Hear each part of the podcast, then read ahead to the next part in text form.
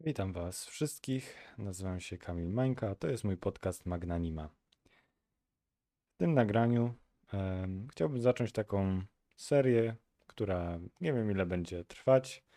Prawdopodobnie tyle, ile potrzeba. Będzie pewnie też nieregularna, ale chciałbym mm, trochę powiedzieć o tym, em, jak czytać Biblię, jak zacząć czytać Biblię, jeśli kogoś to przeraża, zniechęca, nie wiem, jakieś są przeszkody, jakieś e, niepewności, to chciałbym e, różne rzeczy wyjaśnić, coś doradzić, pomóc, zwrócić na coś uwagę. E, I wydaje mi się, że niektóre moje rady mogą być nietypowe, w tym sensie, że być może mm, nigdzie, nigdzie te, nikt o takich rzeczach nie wspomina, bo przynajmniej sam przynajmniej rzadko się na, na takie uwagi natykałem. Bo często można mm, usłyszeć o czytaniu Biblii, no przede wszystkim w taki sposób duchowy, to znaczy wybrać sobie fragment, przemyśleć, em, poszukać tam właśnie takiego duchowego przesłania, co Bóg mówi, w szczególności co mówi do mnie. Ja nie mówię, że to jest coś złego, wręcz przeciwnie. To jest jedna, jedna z najważniejszych form czytania Pisma Świętego, to znaczy, żeby je tak osobiście przetrawić. Ale minusem tej, tej formy jest to, że no, zazwyczaj ona skupia się na krótkich fragmentach i że jest jednak bardzo zorientowana, no cóż, na takie życie osobiste, na własne doświadczenie, więc ona ma tutaj no, pewne wady. Ma wiele zalet, ale ma też pewne wady, dlatego no cóż, Pismo Święte należy czytać na różne sposoby. Ono ma, um, ona, e, ono ma wiele aspektów, na które możemy zwracać uwagę i właśnie chciałbym na te mniej może, e, może znane na tą uwagę zwrócić. Um, może, może też spotkaliście się z takim sposobem, który jest troszkę może pokrewny, ale to już jest moim zdaniem troszkę radykalne, a może, a może nawet niewłaściwe. To znaczy niektórzy otwierają Pismo Święte na chybił trafił, czytają co tam jest napisane i stwierdzają, że to Bóg do nich mówi. No czasem, czasem Bóg tak działa, ale generalnie nie należy tego stosować jako zasady. Um, natomiast to, co chciałbym dzisiaj e, powiedzieć, to parę takich w gruncie rzeczy zdroworozsądkowych uwag na temat czytania Biblii. Bo co to jest Biblia w ogóle? Nie chcę tu wchodzić w kwestie natchnienia i tak dalej. Chciałbym do tego podejść od innej strony. Biblia, jak nazwa wskazuje, Biblia po grecku oznacza księgi. Nawet może troszkę e, książki, tak? W sensie jest tutaj pewne zdrobnienie. Biblion to jest taka książka, mała książka, więc Biblia to są książki. Czyli kiedy mówimy o, o Biblii, to mamy na myśli całą kolekcję książek. To mamy bibliotekę pełną książek. I tutaj są od razu dwie sprawy. Jedna jest taka, że um, że jest to kolekcja książek. To nie jest w pewnym sensie, to nie jest jedna księga, to jest kolekcja książek. Czyli każda ta księga, każda ta książka w tej kolekcji, ona ma, można powiedzieć, swój początek i koniec, ma swój zamysł, ma swoją strukturę, kompozycję, przesłanie. Każda jest po prostu tak jak e, z innymi książkami, każda jest jakby samodzielnym dziełem w pewnym sensie. One oczywiście do siebie się odnoszą nawzajem, ale jednak też jest coś w nich e, oddzielnego. No a z drugiej strony jest to jednak kolekcja.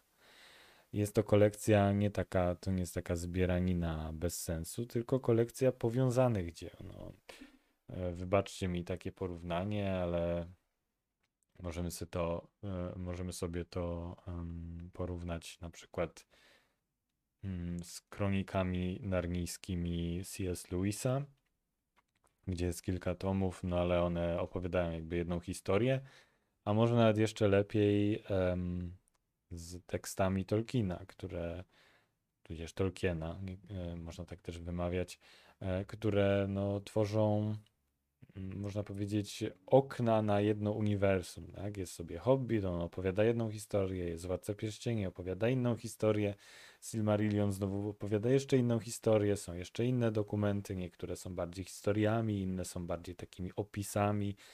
Są, są różne kategorie tych, e, tych publikacji ale one wszystkie odnoszą się do śródziemia, prawda?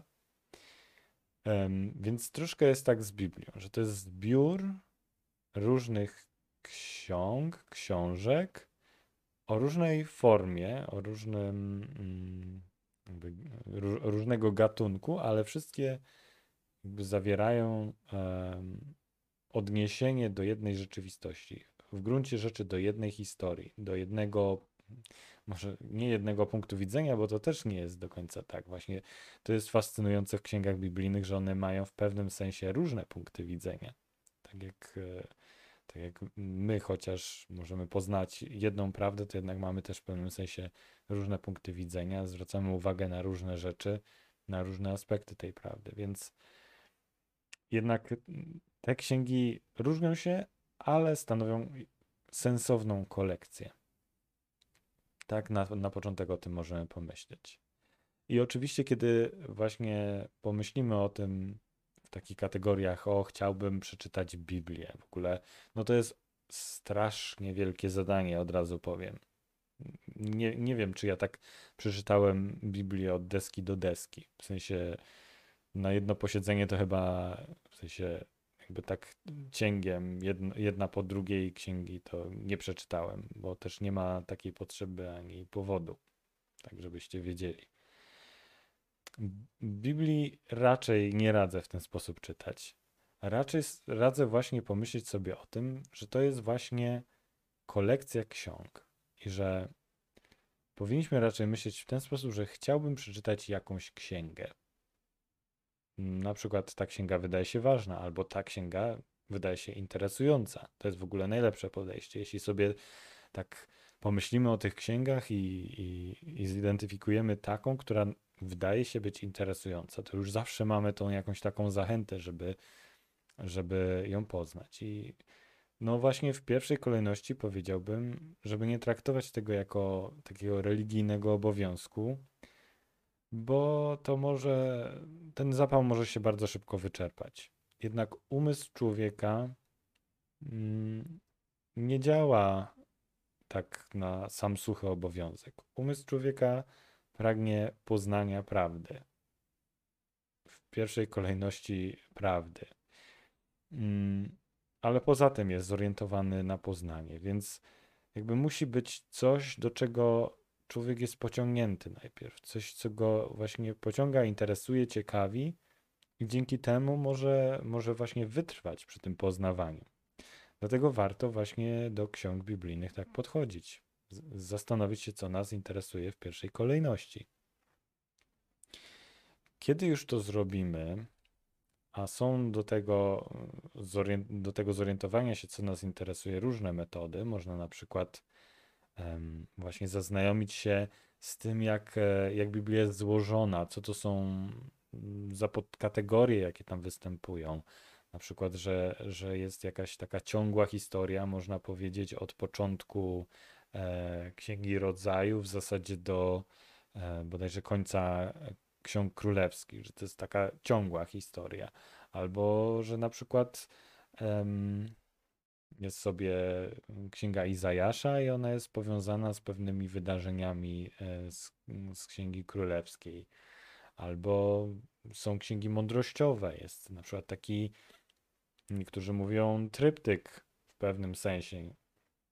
Może nie oryginalnie, nie pierwotnie, ale jest taki tryptyk, gdzie jest księga przysłów, księga Koheleta i pieśń nad pieśniami. I one to są wszystko księgi mądrościowe na różny sposób dotykają problemu mądrości, problemu życia, problemu nie wiem, sensu życia, zjednoczenia z Bogiem i tak dalej. To, to są jakby e, cieka ciekawe serie. Tak? One są w jakiś sposób powiązane i możemy sobie jakby znaleźć punkt zaczepienia w którymś momencie tego zestawu i tak zacząć po prostu od tego punktu, zaznajamiać się z, z jakimś takim podzestawem w Biblii, który, który naświetla jakąś, jakąś kwestię. No więc jak wybierzemy sobie już taką księgę, to naprawdę radzę, żeby sobie znaleźć jakieś streszczenie tej księgi.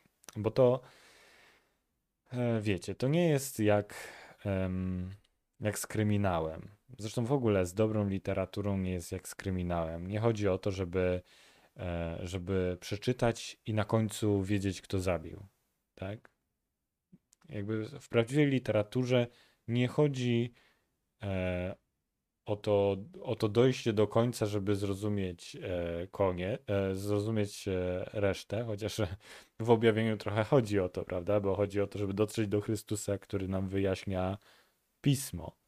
Ale, ale jednak przy lekturze e, tekstów biblijnych naprawdę nie chodzi o to, żeby przeczytać, żeby wiedzieć, co się wydarzyło.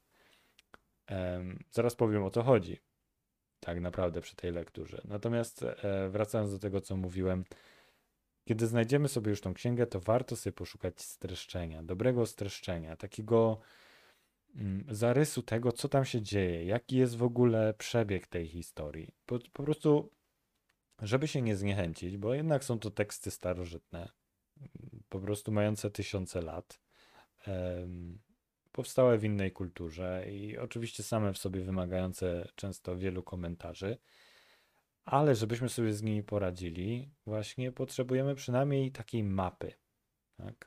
Wybieramy się w nieznaną krainę, w nieznany tekst i potrzebujemy jakiejś takiej mapy, która nam przynajmniej powie: OK, chodzi z grubsza o to, taka jest historia, ona jakby przebiega w ten sposób i jest pewna logika za tym, jak ona przebiega. Zaczyna się w takim punkcie, dlatego że, a kończy się w takim punkcie, dlatego że. Więc jakby warto, warto taki, jak to się mówiło w szkole, plan wydarzeń sobie znaleźć, żeby wiedzieć, nie tylko, żeby sobie wybrać tą księgę, o czym ona jest, aha, to mnie interesuje, no to czytam, tylko też, żeby mieć od razu jakiś taki zarys i obraz. I wtedy można dopiero, mm, dopiero można zabrać się do czytania i nawet wracać do tego streszczenia. Naprawdę tak polecam. Potem mm, warto zwracać uwagę na określone wątki. To znaczy, mm, bo jakby to powiedzieć, jest, jest jakaś historia opowiadana, jeśli mówimy o księgach historycznych, czyli takich, które opowiadają jakieś historie, ale pewne wątki się tam powtarzają. Na przykład w Księdze Rodzaju to mogą być bardzo oczywiste rzeczy, ale wiecznie ktoś jest czyimś ojcem, wiecznie ktoś kogoś rodzi, no i kurczę, no o co chodzi z tym wszystkim? Po co, po co słuchamy o tej całej, no nie wiem, ten, ten spłodził tamtego, a ten był synem tamtego, no to mogą być bardzo nudne wyliczenia, ale możemy się właśnie zastanowić, no czemu o to, o to chodzi. No możemy na przykład sobie pomyśleć, że w Księdze Rodzaju Bóg na początku mówi kobiecie, że, że daje jej potomstwo, które właśnie tam skruszy e, głowę węża. No i sobie myślimy, no może dlatego to tak, ta cała genealogia jest taka ważna, no bo Bóg obiecał, no i czekamy na to potomstwo, prawda? Z drugiej strony widzimy, że Bóg obiecał, że się, czy tam pobłogosławił człowieka, żeby się e, rozmnażał, czynił sobie ziemię poddaną. No i widzimy, że Bóg spełnia swoją obietnicę. Więc no tutaj są, jest coś takiego i potem dlatego też może taka ważna jest e, ta kwestia, kiedy spotykamy Abrahama i on ma mieć dziecko, w sensie ma mieć syna, bo Bóg mu obiecał, ale jakoś tak nie może się go doczekać, prawda? No bo wydaje się, że Abraham kontynuuje tą obietnicę, no ale no kurczę, coś tu nie, nie idzie. Poza tym mm, jest też taki, taki ciekawy wątek, że który, którym no, możemy dostrzec, że, um, że jakoś młodsi synowie ma, mają się jakoś tak lepiej. No bo jest sobie Izmael, który rodzi się wcześniej, potem jest Izaak. No, chociaż Izmael jakby dokucza w jakiś sposób Izaakowi, no to, to jednak Izaak dziedziczy błogosławieństwo Abrahama, jakby dziedziczy w ogóle mm, przymierze Abrahama z Bogiem. Potem mamy Ezawa i Jakuba. Ezaw rodzi się pierwszy, chociaż to są bliźnięta, no ale Ezaw rodzi się pierwszy, Jakub rodzi się drugi, a jednak to Jakub e, otrzymuje to prawo pierworództwa, to, to, to błogosławieństwo. Z drugiej strony robi to podstępem, więc to jest taka trochę dziwna sytuacja, no ale Bóg to, Bóg to uznaje. Potem jest tych dwunastu synów Jakuba. Znowu wszyscy zachowują się strasznie w stosunku do Józefa, ale Józef też miał swoje za uszami, no ale potem Józef zostaje władcą Egiptu i ratuje im skórę, prawda? Więc warto sobie mm, warto zwracać uwagę na te wątki, które się pojawiają, albo po prostu tutaj tutaj wiecznie ktoś wędruje, albo wstępują do Egiptu i to się też powtarza, albo tu jest głód, albo no, są, są różne, różne tutaj e, wątki, które się przewijają, no, szczególnie w Księdze Rodzaju, którą no, często polecam jako pierwszą lekturę e, w Starym Testamencie. Nie dlatego, że tak jest pobożnie poczytać, w sensie też jest pobożnie poczytać, ale po prostu ona ustawia nam różne, różne tematy, po prostu tak intelektualnie pozwala różne rzeczy zrozumieć.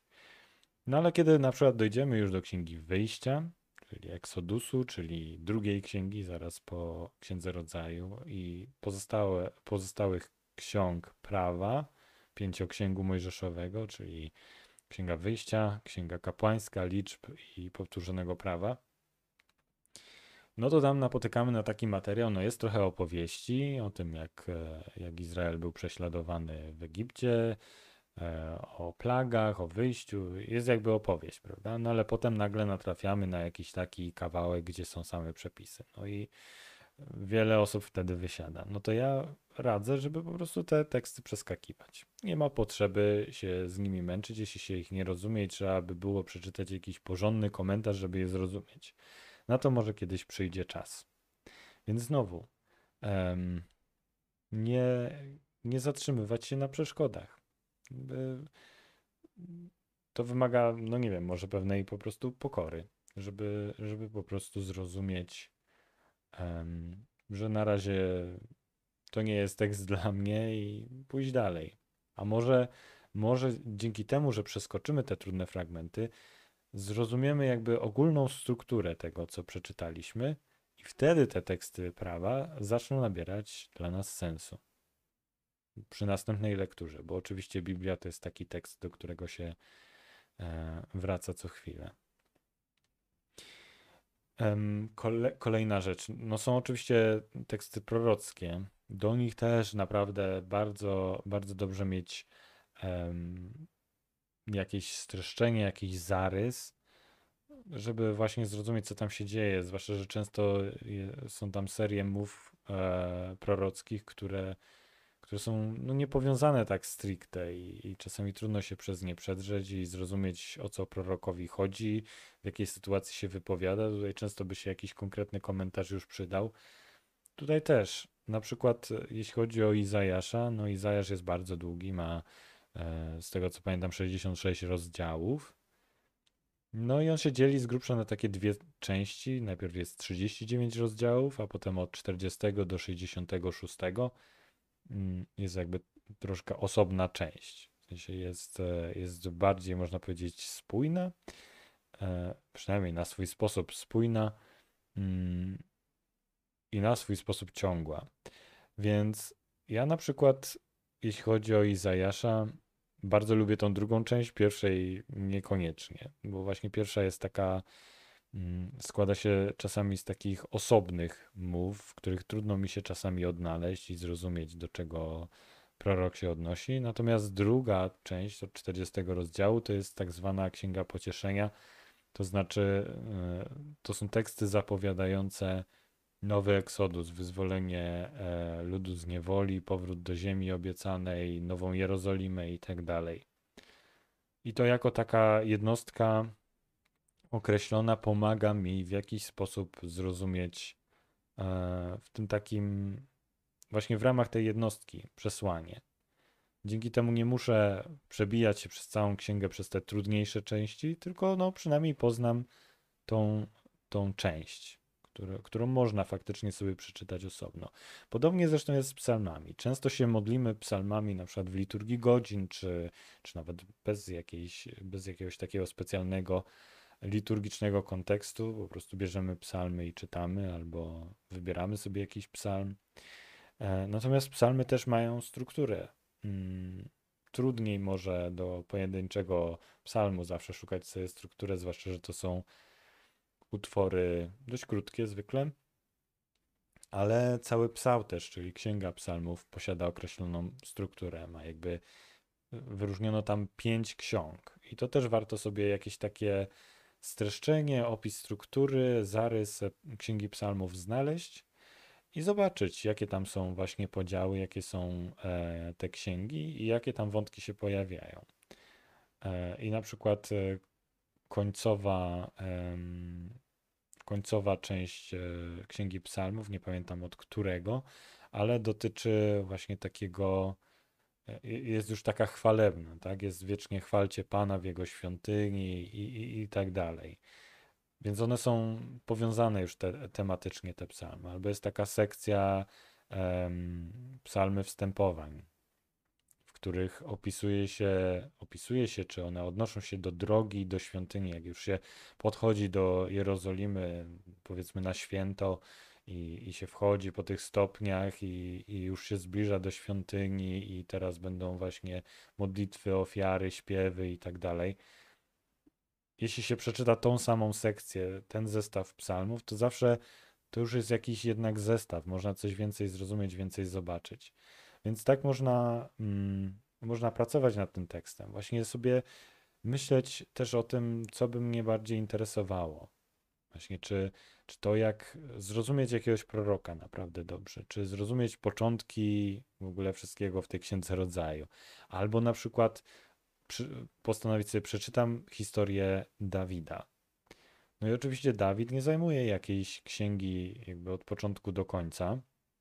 On się pojawia w księdze Samuela i bodajże nie wiem, czy się to kończy jego życie w drugiej księdze Samuela, czy jeszcze zahacza o pierwszą księgę królewską, ale no właśnie przeczytać sobie pod tym kątem. Chciałbym więcej wiedzieć o Dawidzie. No i okej, okay, no to tu jest o Dawidzie, sobie poczytam i Dawid się pojawia dopiero w którymś rozdziale e, Księgi Samuela. No ale trzeba przeczytać w sumie trochę wcześniej, żeby zrozumieć o co chodzi, więc trzeba podchodzić do Biblii inteligentnie. Mm, nie po to dostaliśmy rozum, żeby, żeby do, do tego świętego tekstu podchodzić bezmyślnie. Trzeba podchodzić inteligentnie, czytać ze zrozumieniem. To nie jest jakiś tekst mistyczny w tym sensie, że on po prostu pomija rozum. Rozum to jest to, co upodabnia nas do Boga. Tak, rozum i wola. To jest to, co upodabnia nas do Boga i powinniśmy tego używać przy lekturze Biblii. No i tak jak powiedziałem, są osobne księgi, one mają gatunki, właściwości, wątki i, i na to wszystko trzeba zwracać uwagę, ale też jest oczywiście ta całość, Biblia.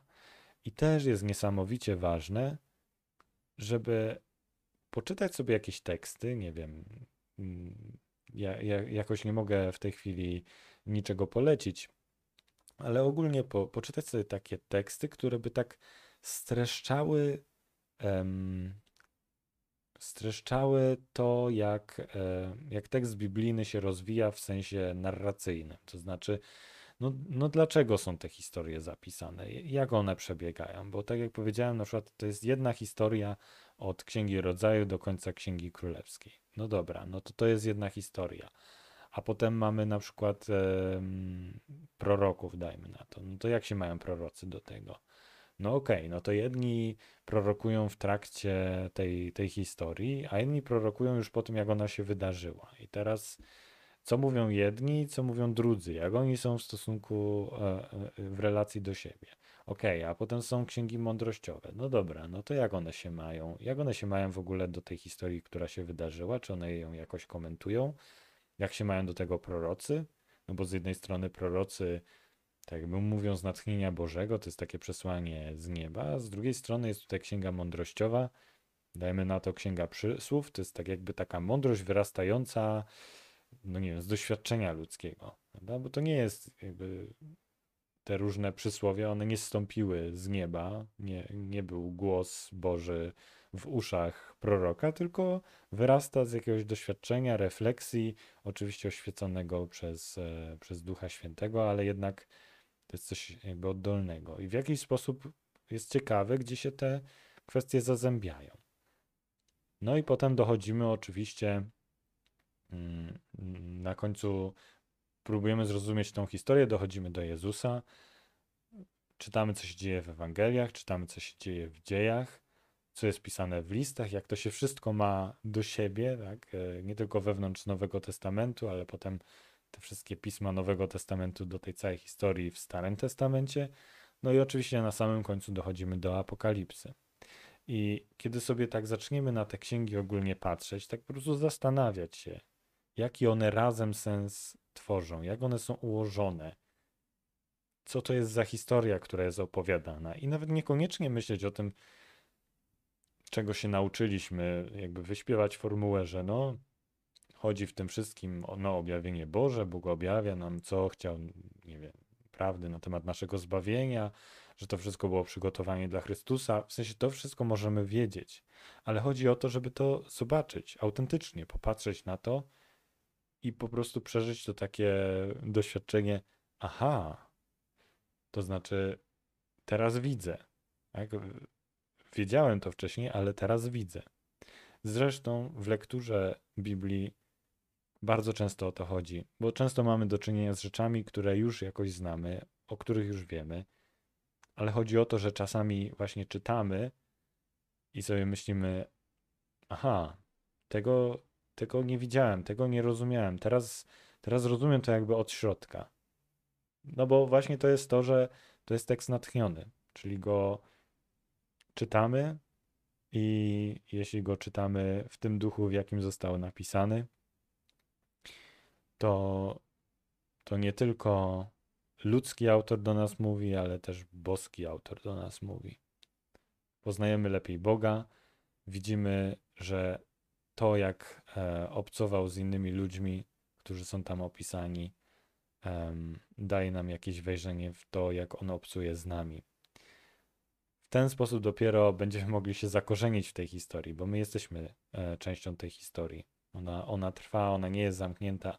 Objawienie w tym sensie jest zamknięte, ale, ale no Bóg dalej, dalej działa i postępuje z nami, tak jak z tymi ludźmi w księgach biblijnych postępował.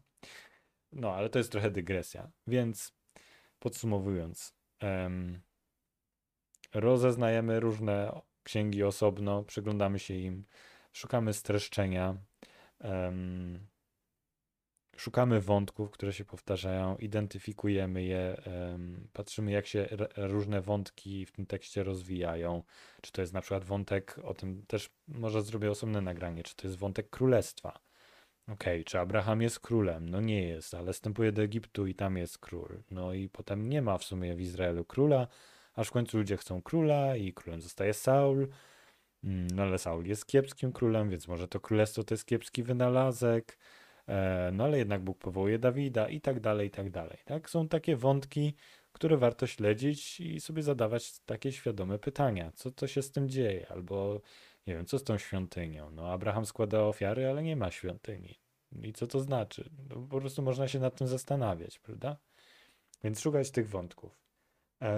Poza tym przeskakiwać te trudne fragmenty, to jest takie ważne i jednak mieć ciągle uwagę na całość tej kolekcji. To znaczy, że ona ma jako całość dynamikę. Tak? I to jest takie wspaniałe, że, że może być jedność w różnorodności. To jest taki slogan, ale może być rzeczywiście w ten sposób. Um, więc zachęcam Was do tego, żeby, żeby zacząć czytać Biblię, zacząć od jakiejś księgi. Jeśli macie jakieś pytania, jakieś uwagi, bardzo chętnie pomogę. Um, no i, i, myślę, że będzie, będzie warto, ale trzeba podejść do tego w taki świeży sposób.